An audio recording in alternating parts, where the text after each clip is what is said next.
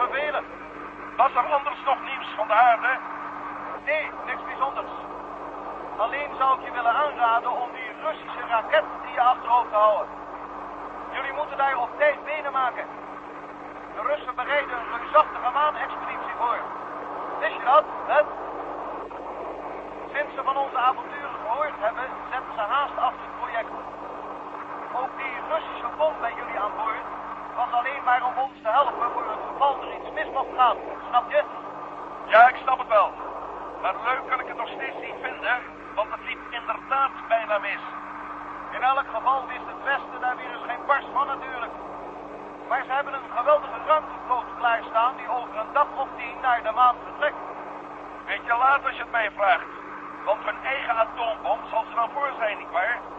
Ja, alhoewel, eh, je hoeft er niet aan te twijfelen dat ze die in volle vlucht zullen vernietigen als dat nodig mocht zijn. Ja, maar ook dat vernietigen zal wel eens kunnen mislukken, Bill. Ja, weet je wel. Ik zal inderdaad maar zorgen daar bij tijds weg te zijn, man. We zullen de klok in de gaten houden. Kijk nou eens. Daar komt weer zo'n vervelend cilindertje aangevlogen. Het is net een groot uitgevallen horsel. En nog één. Dat is een stuk of vijf. Wat doen ze? Niets. Ze volgen de jeep, meer niet. Voorzichtig, man. Ze niet. Ik ben nu bij die enorme mast, Bill. Het is ontegenzeggelijk een zendmast. Zo. Bijna al mijn dynamiet hangt er tegenaan. Nou, Bill. Hou je vast, dan hoor je niks. Daar gaat hij dan. En? Gelukt, man. Ja. De mast is wijlen. Hé, vreemd. Die kleine cilindertjes hangen nu roerloos in de... Ja, ik wou bijna zeggen in de lucht. Stop eens even met jouw uitzending, wel. Hij zendt niet weer uit. Mooi zo. Je kunt er dus mee ophouden, wel. Voel goed op, ik. Oké, man. Roger. Geef het door naar de aarde, Bill. Vraag of ze die verrekte raket onschadelijk maken. Ik zal het doorgeven. Ons radiocontact gaat zo weer weg, man. Ga je goed. Tot over twee uur. Dank je, Bill.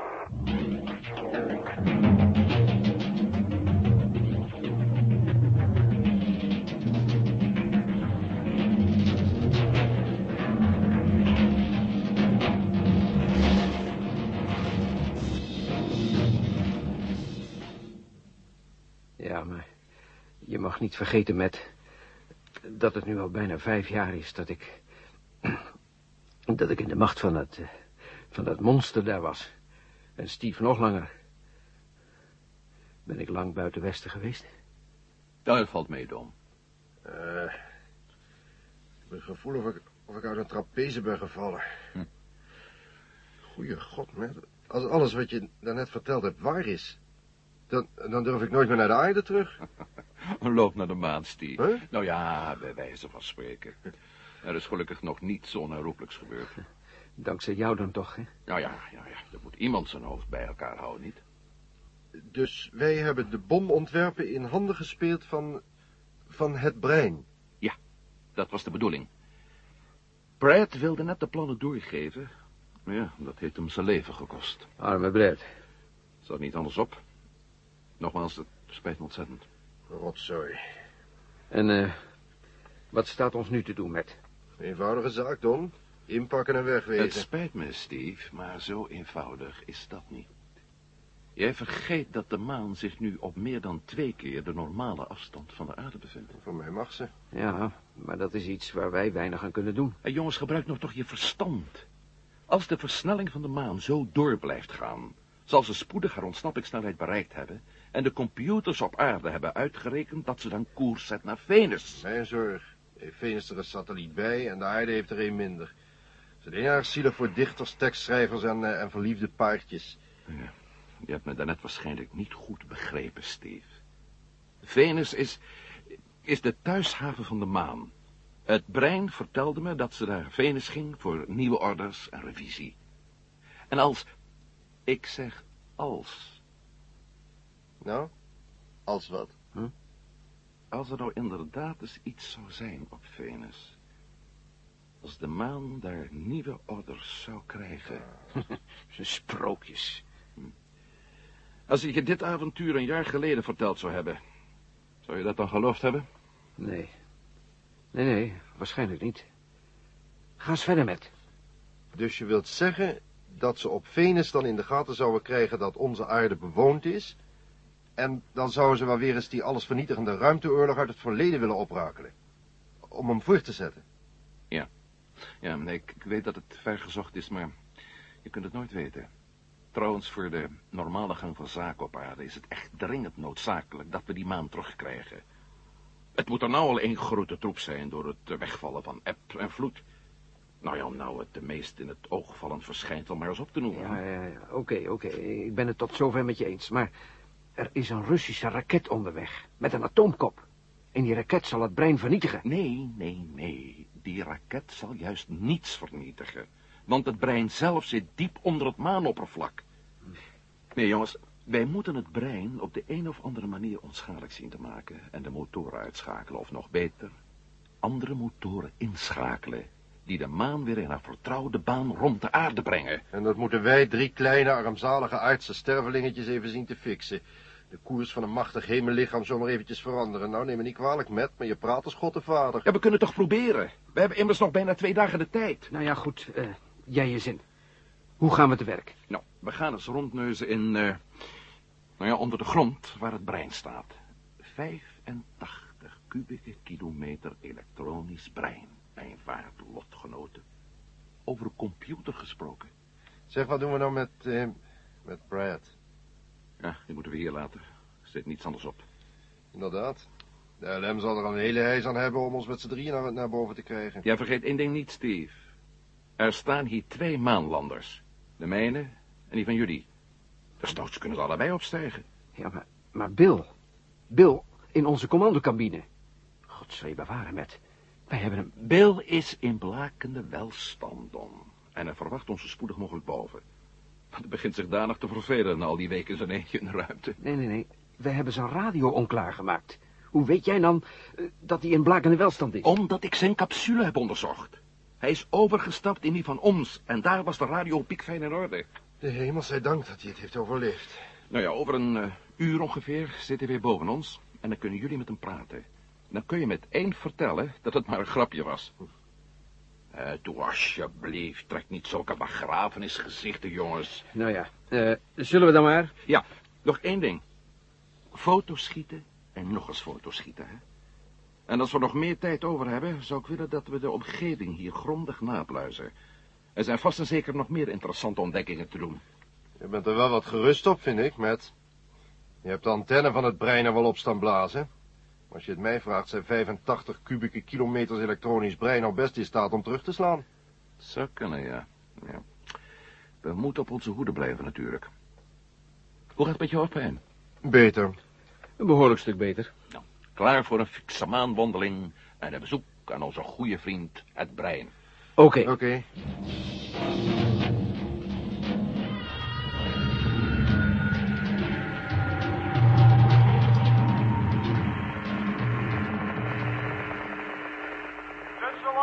Van nu is, schijnt net weer aan de winnende hand te zijn, generaal. Hij verzocht mij dringend te vragen of die verrekte, eh, sorry, maar waren zijn woorden, of u die verrekte Russische raket langs de maan wilt laten gaan of de vlucht vernietigen. Ik zal doen wat ik kan, Bill.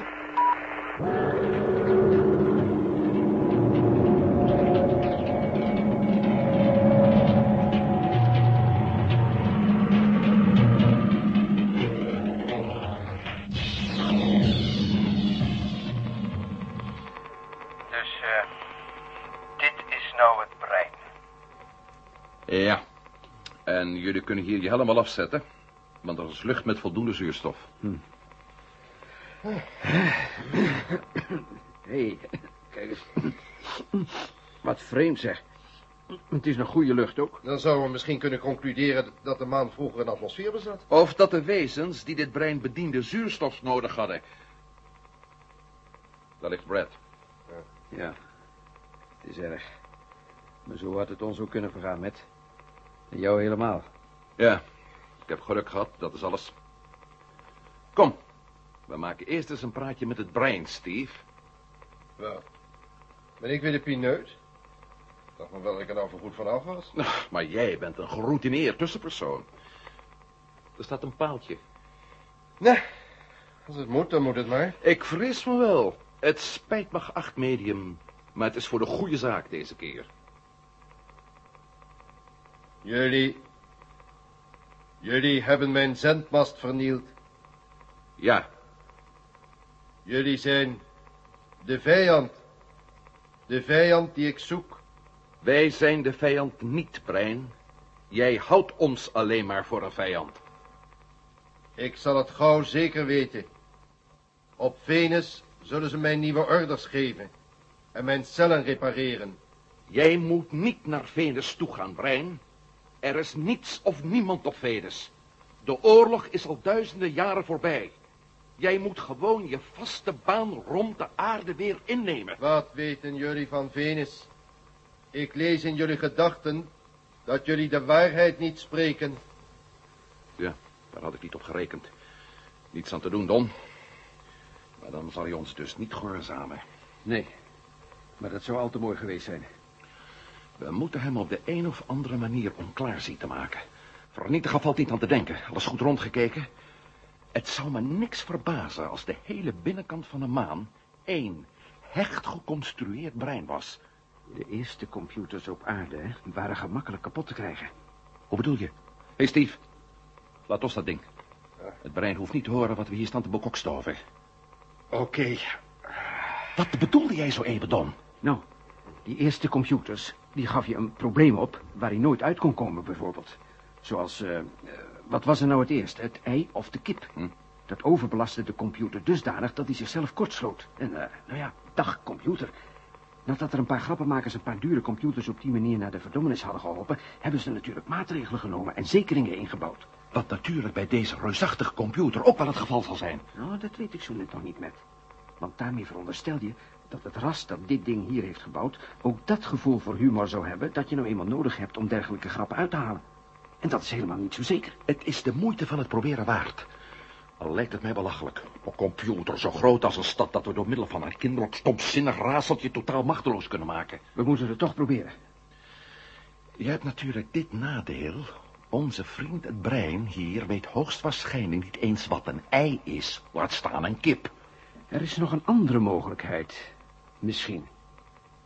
Steve, Oh nee, moet ik nog eens? alsjeblieft ja. Nog één keer. Nee. Goed. Dan zal ik me wel weer opofferen voor het vaderland. Hallo, brein. Ik hoor jullie wel. Ik zal jullie moeten vernietigen. Jullie zijn de vijand.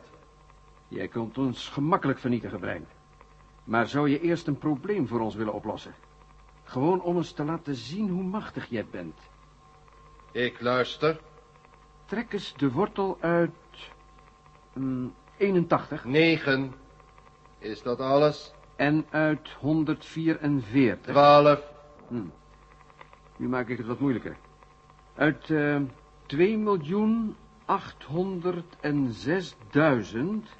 ehm 630,09. 09. 1675,3. Bravo.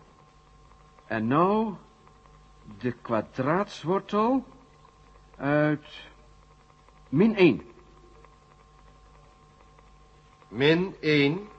Min 1. Het schijnt te lukken. Loslaten, Steve. Dom. Dom, je kunt geen kwadraatse wortel trekken uit een negatief getal. Natuurlijk niet. Daar ging het nou juist om. Dus hij kan het antwoord ook nooit vinden. Een computer op aarde zou dit probleem niet eens geaccepteerd hebben. Maar wij zijn hier niet op aarde en er bestaat dus de kans... Ruik jij wat ik ruik? Hm? Het, het, het stinkt zelfs. Het lijkt wel schroeiend rubber. Prima. Mooi zo. Hij raakt al overvreed. Nog even wachten. Ja! Daar gaat hij. Mooier dan het mooiste vuurwerk. Jij bent een genie, Dom. Aan zoiets ervaren zou ik nooit gedacht hebben. Je moet er maar opkomen, hè? Geniaal, zeg. Heel slim bedacht. Koppie, koppie. We zullen eens horen wat het er zelf van denkt. Grijp zijn bolletje nog eens een keer vast, Steve. Het zal nou echt voor de laatste keer zijn, denk ik. Het is... Het is een heel ander gevoel. Ik voel... Ik voel eigenlijk zo goed als niets in mijn hoofd. Alleen een... Een zwakke tinteling. En cijfers. Allemaal cijfers door elkaar. En steeds zwakker. En nu helemaal niets meer. Helemaal niets? Helemaal niets. En zo stierf dan het machtigste brein dat de mensheid ooit heeft gekend. Heeft zich verslikt in een onverteerbare kwadraatswortel. Amen. Nou moeten we nog de bediening van de raketmotoren zien te vinden. Een hopeloze taak als je het mij vraagt, met 85 kubieke kilometers brein. Daarin kunnen we ons hele verdere leven lang blijven zoeken. Ja, zie jij daar die dikke kabels lopen? Ja, Die daar onder de grond verdwijnen. Ja, ze zouden wel eens naar een van de motoren kunnen leiden. Ja. ja ze kunnen daar van alles leiden. Natuurlijk, natuurlijk. Maar we gaan ze toch voor alle zekerheid even verder volgen. Kom maar, jongens.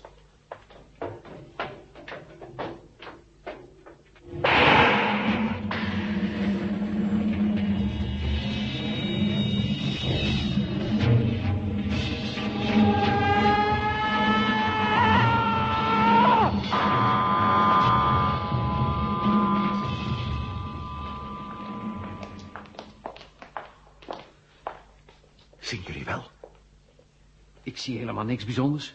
Oh nee. En dit schakelbord dan? Acht hendels en acht schaalverdelingen. Ja? Nou, je het zegt. Licht eens even bij, Steve. Kijk nou eens. Wat een rare tekens staan erop. Ja, wat dacht jij dan? Dat we hier gewone Arabische cijfers zouden vinden... plus een handleiding in het Engels. Maar...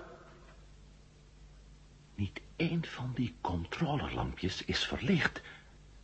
Dus Denk jij dat dat ding het bedieningspaneel voor de motoren is? die van de voorzijde natuurlijk, Dom. Van de voorzijde. Het brein vertelde me dat. Dat die allemaal stuk waren. En dat kan kloppen. Kijk maar. Alle hendels staan in neutraal stand. Dus dan zou hier niet ver vandaan zo'nzelfde paneel moeten zijn... waarop de motoren zichtbaar in werking staan. Precies, precies. En dat moeten we gaan Hé, zoeken. kijk eens, daar ginds. Lichtjes, kom mee, met. Verdomme. Wat ligt hier? Ik struikel er bijna over. Het lijkt wel een geraamte. Grote god. Dat is het ook. Het lijkt wel een menselijk skelet. Ja, maar dan wel een stuk kleiner. Hier, bek- bekijk de vorm van die schedel is. Neem eens een foto, Steve. Ja, natuurlijk. Wacht even. Zo. Tjonge. Dat zal maar een sensatie worden straks op aarde. Zeg, wat dat voor wezens geweest zijn? Eh, later, Steve, later, later. Eerst de belangrijke dingen. Weer acht hendels. En nou branden er vier controlelampjes naast. Zie je wel, naast elkaar. Zie je wel, met deze vier verklikkers. We hebben ze. We hebben ze. Dus deze vier motoren staan aan. Zien jullie wel? Op een laag pitje, maar ze staan aan. Helemaal in de beginstand van de schaalverdeling. Fotografeer de zaak, Steve. Oké. Zo, jongens. Dat zal de NASA wel een sleudige cent opbrengen aan copyright voor deze foto's. Hè? Ja, opgelet, opgelet. Ik zet nu alle hendels terug op nul.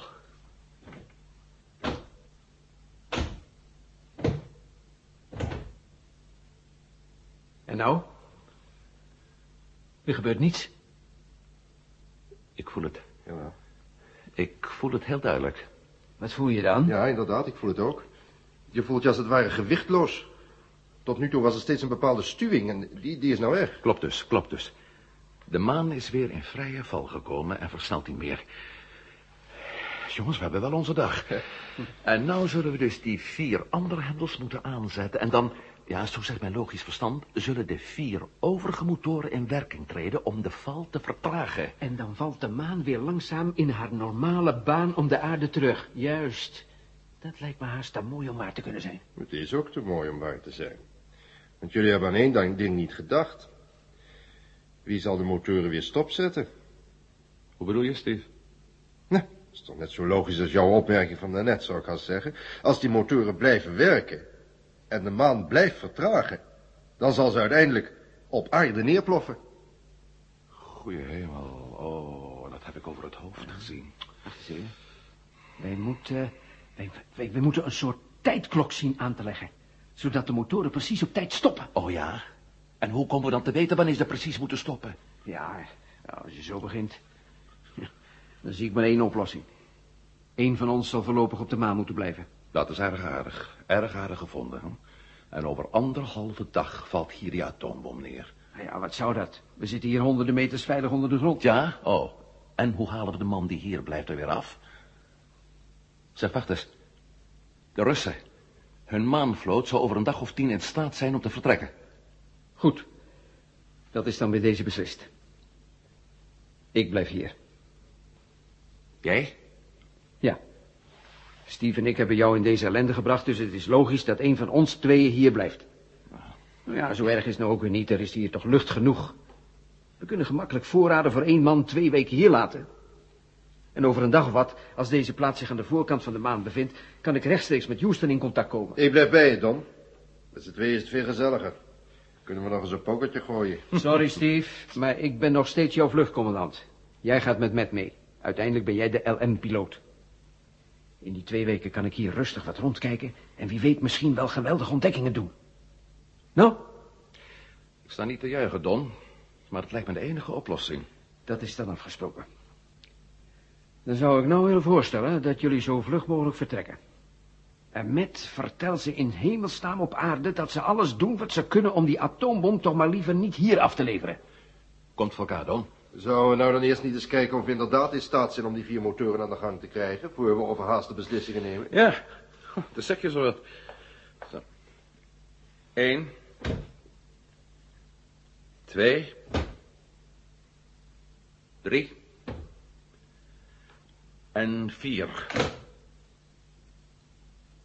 Ja, je voelt hem weer trekken. Wegwisselen maar. Don, Steve en ik rijden eerst met de jeep naar de LM... om het een en ander voor je op te halen. Stinkt het hier afschuwelijk. En daarin mag jij twee weken zien uit te houden, Don. Mijn oprechte deelneming beneed je niet. Ach, ik ga zo nou nou wel eens een luchtje scheppen. Eh, hoe moeten we nou? Hierdoor. Nou, zouden we Bradford dus toch kunnen meenemen. Of misschien... eh, Oh, misschien kan ik hem meenemen, over twee weken. Maar dan moet hij wel eerst naar buiten, het luchtledig in. In elk geval moest hem nu de microfilm met de ontwerpen van de bom maar afnemen en vernietigen.